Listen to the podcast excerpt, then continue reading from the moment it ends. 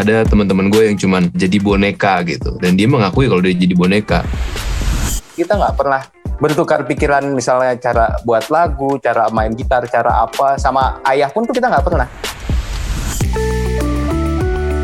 Music Extra.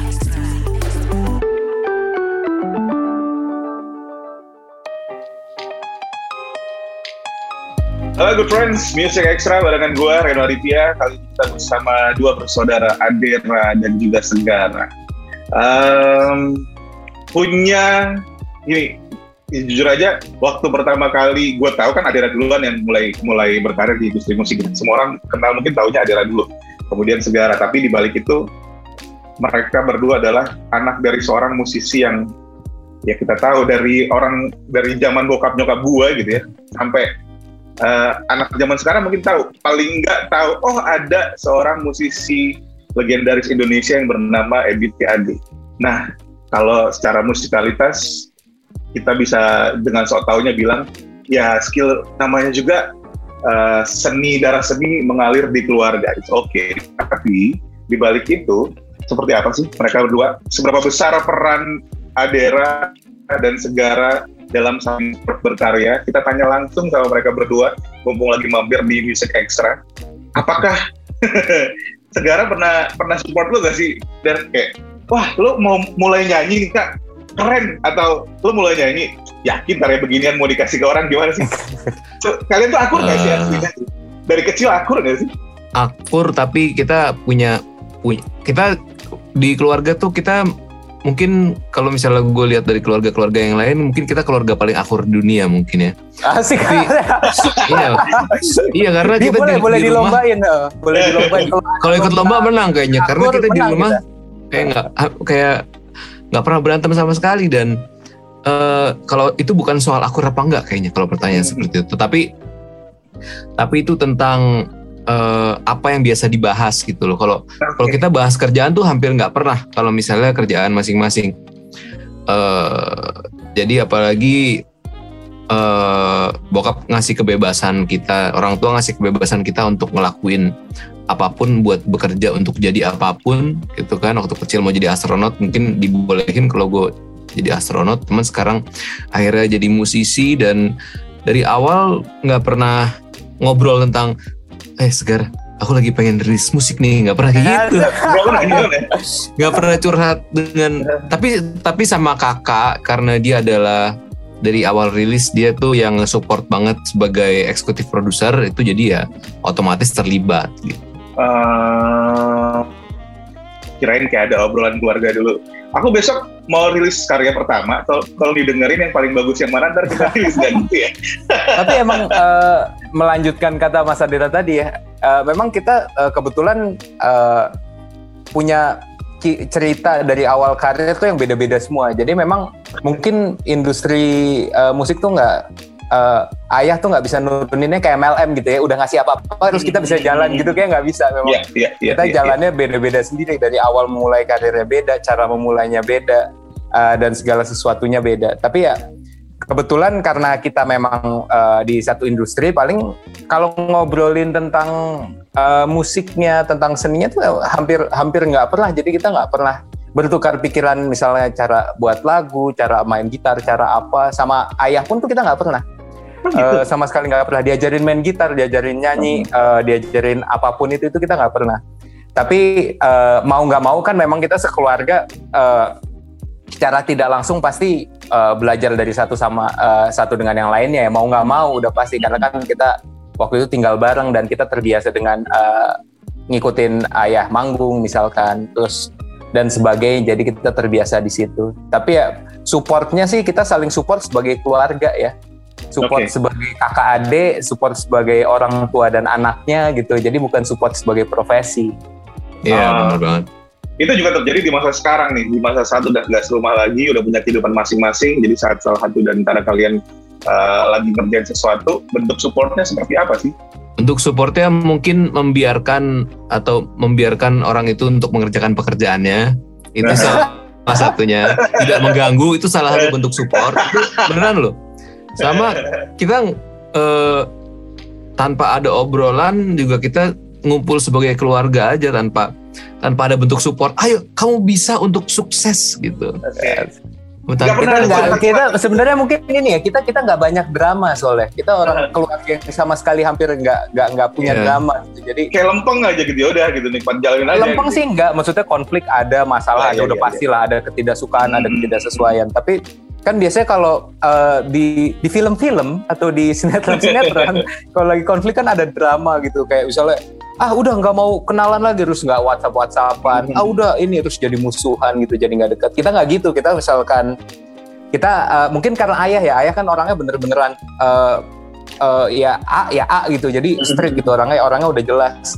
Jadi ya misalkan kita memang lagi ada butuh bantuan ya ngomong, misalkan kita butuh saran ya kita ngomong. Tapi misalkan eh, lagi nggak ada apa-apa ya walaupun kita nggak berkomunikasi juga kita masih merasa dekat ya kayak kata Mas Adira tadi. Misalkan Hmm. kita lagi sibuk masing-masing ya bukan berarti eh, hubungan kita jadi merenggang gitu, nggak kayak Hmm. gitu. Tapi ya memang kita lagi butuh waktu masing-masing. oke eh tapi gue pengen tahu nih Om Ebit itu orangnya seadem lagunya nggak sih Oh enggak, Mas Adira, Mas Adira yang udah lebih lama lahir, yang udah lebih lama lahir coba. Gimana Gimana penilaiannya? nggak ngerti nih konsep ademnya seperti apa juga gue nggak kan nggak lagunya tuh adem gitu lagunya kan adem kalau orang denger tuh kayak ya kayak dengerin lagunya Om Ebit malam-malam gitu kan Eh, lagi pokoknya gitu deh coba nggak suasana. gimana kalau gue nangkapnya nanti misalnya gue masih kecil gitu kan terus habis itu bokap nah kamu nanti jadi orang pinter ya nah gitu Iya, eh, tapi jujur aja gue nangkepnya gitu poin niat gue tuh gitu nanya kayak misalnya ada yang berantem nih kalian berdua berantem di rumah Segara, Adera, ini kenapa sih? Asik ah. Aduh. Tapi eh, jujur ya kalau masalah eh, dari kecil itu yang berperan sangat besar tuh ibu sebenarnya. Oh ibu ya. Jadi eh, tapi kayaknya mungkin mayoritas di keluarga eh, juga kayak gitu ya. Jadi kalau Hmm. ayah tuh malah pas kita dewasa lebih lebih agak mulai masuk ke dalam berbagi pengalamannya, prinsip hidupnya dan filosofi hidupnya lah. Tapi kalau pas kita kecil itu emang mayoritas eh, apa eh, bentuk yang seperti tadi itu itu itu dari dari dari mama gitu. Dari Oke. mama.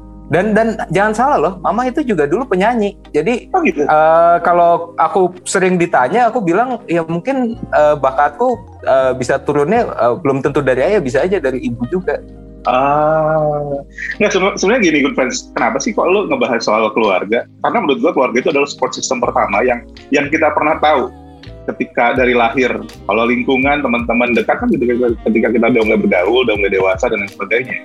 Tapi keluarga itu support system pertama. Terus di tengah pandemi seperti sekarang, saat lo mungkin nggak ketemu orang lain, lo cuma bisa ketemu keluarga lo, ya akhirnya pada pada akhirnya gitu saling support juga. Mungkin yang tadinya nggak akur jadi akur mau nggak mau karena ketemu setiap hari dan lain sebagainya. Itulah poinnya kenapa sih ngobrolin soal keluarga dan dan em, kita nggak pernah tahu kan. Mungkin kita kayak orang kayak gue deh, gue pikir gitu. eh, ketika salah satu dari Adira atau Segara bikin karya, saling bantu. Oh ini harusnya begini, harusnya begitu. Ternyata enggak. Saling supportnya itu tadi dengan oke kreativitas lu seperti apa dibiarin aja. Tapi kalau misalnya ada ada pertanyaan atau ada eh gimana nih baru baru jump in lah ya baru kayak kasih komentar seperti itu tapi itu tadi setiap orang punya cara masing-masing untuk mau menunjukkan eh, perasaannya menunjukkan perasaan cintanya sama, sama keluarga Music Extra. Kalau ngomongin soal keluarga ini pertanyaan klise banget tapi kadang-kadang kita lupa seberapa penting sih keluarga buat lu buat kalian berdua. Keluarga tuh buat gue nomor satu sih. Keluarga yang penting dari yang terpenting gue bisa eh bisa ninggalin semuanya demi keluarga gitu kalau gue Oke. pribadi. Oke nice. G- gimana ya Eh, iya bener. Penting sih. Eh, karena kadang kita lupa ya. Eh, aku aku sih salah satu eh, contoh yang lupa karena kita udah terbiasa dengan eh, kasih sayang yang gratis ya dari keluarga. Kadang kita menghargainya lebih rendah daripada kasih sayang yang lainnya. Tapi Oh, ya menurut aku sih ini adalah eh, penting banget keluarga eh, karena apa pun yang terjadi pasti ada tempat untuk pulang lagi gitu dengan keluarga apalagi zaman sekarang ya pasti aku makin merasa sangat penting karena banyak teman-teman kita yang kehilangan keluarganya dan dan ternyata itu berat banget buat mereka. Jadi ya selagi masih ada, selagi masih lengkap ya aku sekarang sih berusaha untuk uh, memaksimalkan uh, ya waktu dengan dengan keluarga sih. Oke. Okay. Dan sebagai bentuk perhatiannya Segara sama Adera buat kita semua good friends, mereka baru merilis single yang berjudul Hingga Kau Tersenyum kayak pengingat untuk selalu optimis setiap masalah pasti akan ada ujungnya jangan lupa tersenyum dan lain-lain. Nah, tapi lo berdua setuju nggak sih sama kalimat masalah seberat apa pun pasti akan ada solusi dan jalan keluar? Gue setuju sih. Ada di titik itu nggak sih? Oh, kalau uh, kalau aku mau nggak mau harus setuju ya karena di lirik di lagu itu liriknya seperti itu kurang lebih. kalau nggak setuju kontra jadi kontradiktif ya. Karena emang uh, jadi itu sebenarnya kepercayaan yang selalu aku pegang dari dulu ya. Karena kita kadang terlalu sibuk ngobrolin masalah daripada ngobrolin solusinya. Jadi uh, biasanya kalau kita lagi kalut, kita terbelenggu dengan masalah tuh kita bolak-balik terus mikirin, aduh uh, masalah nih, ini masalah, ini masalah. Padahal kita nggak ngobrolin solusinya gitu. Tapi sejak uh, kapan aku nggak tahu, aku percaya ini kepercayaan sih. Kalau setiap masalah pasti ada jawabannya, pasti ada ada solusinya. Uh, itu kepercayaan itu yang aku bawa karena sekarang aku tuh jadi tipe orang yang nggak suka menimbun masalah. Karena aku percaya bahwa bila masalah datang itu pasti ada solusinya. Jadi aku selesaiin dulu aja satu-satu daripada di biasanya kan kalau dulu misalnya aku nggak percaya itu aku mengelak dari satu masalah kan. Oh menghindar nih. Pasti nanti nggak akan balik lagi. Padahal kan menumpuk lama-lama juga akhirnya uh, uh, harus diselesaikan juga gitu tapi itu aku percaya uh, ya pertama karena ada di liriknya ya dan kedua ya karena setelah aku percaya itu aku merasa uh, hidup aku jadi lebih baik sih karena jadi nggak ada nggak terlalu menumpuk masalah-masalah uh, yang datang. Oke, okay. jadi sebenarnya pesannya nggak cuma buat pesan dukungan semangatnya nggak cuma buat good friends saja buat yang dengerin. Tapi buat buat orang-orang yang bikin nih buat mereka berdua juga. Iya. Dan iya. Karena kan karya karya itu gitu gak sih? Kayak uh, ketika lo bikin sesuatu sebenarnya poin utama dari karya itu adalah untuk diri lo sendiri.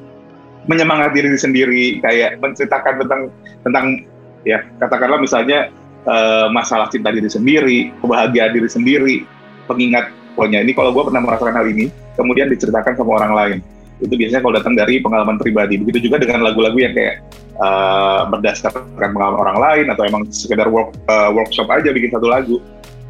Penyanyi itu atau musisi itu biasanya bikin sesuatu sebenarnya adalah bentuk cerita dia ke orang lain atau gambaran diri dia ke orang lain. Bener gak sih seperti itu? Kalau gue kalau menurut gue itu adalah itu balik lagi ke musik ke penyanyinya dan ke ke musisinya. Jadi nggak nggak hmm. semuanya kayak gitu. Jadi kadang-kadang karena di lingkungan teman-teman gue yang musisi juga ada teman-teman gue yang cuman uh, jadi boneka gitu. Dan dia mengakui kalau dia jadi boneka. Jadi uh, dia nggak merasakan apa pun. Dia cuman kayak sebagai kalau misalnya mau nih uh, kayak misalnya medan perang itu adalah industri musik. Nah prajuritnya itu yang perang gitu yang paling depan. Tapi di support sama yang belakang belakangnya. Dia cuma nerima materi dia cuma disuruh nyanyi dia cuma disuruh di guide semuanya joget-joget saat uh, joget-joget nanti ya nanti promo nanti ini nanti ini nanti udah. Dia nggak mikir apa-apa lagi dia nggak mikir tentang musiknya dia cuma mikir dia kerja gitu loh. Gitu. nah beda kalau seniman kan. Kalau seniman kan harus ada seni di dalam otak dalam hatinya tuh harus ada seninya gitu. Jadi kalau misalnya dia ngelakuin seniman melakukan hal itu itu udah pasti udah hampir pasti sih nggak bisa pasti juga sih. Udah hampir pasti dia pasti ngerasain sesuatu. Dan pada saat ngerasain sesuatu itu dia pasti punya hasrat untuk bikin sesuatu. Kenapa dia punya hasrat untuk bikin sesuatu? Karena itu udah numpuk muter-muter di otaknya. Dan akhirnya gimana cara dia mencurahkan si uh, yang numpuk itu? Kalau pelukis dia ngelukis kalau menulis lagu bikin aransemen lagu bikin melodi dan akhirnya jadi uh, dipublikasiin, dirilis gitu. Oke, okay. ya, ya, ya, setuju, setuju, setuju. Nah, uh, ini pertanyaan terakhir, sebesar apa sih peran musik dalam dalam keluarga kalian tuh? Keluarga besar dalam artian ada nggak cuman keluarga masing-masing dalam keluarga besar tuh sebesar apa sih karena kan kita di mama musisi mama penyanyi papa penyanyi. Lo penyanyi lo penyanyi gitu. Kayak emang musik itu di keluarga kayak jadi perkat atau jadi sesuatu yang yang apa ya uh, yang lazim untuk dibahas dinikmati gitu. Atau malah ternyata enggak. Waktu di rumah ya udah gitu. Nggak ngebahas soal musik.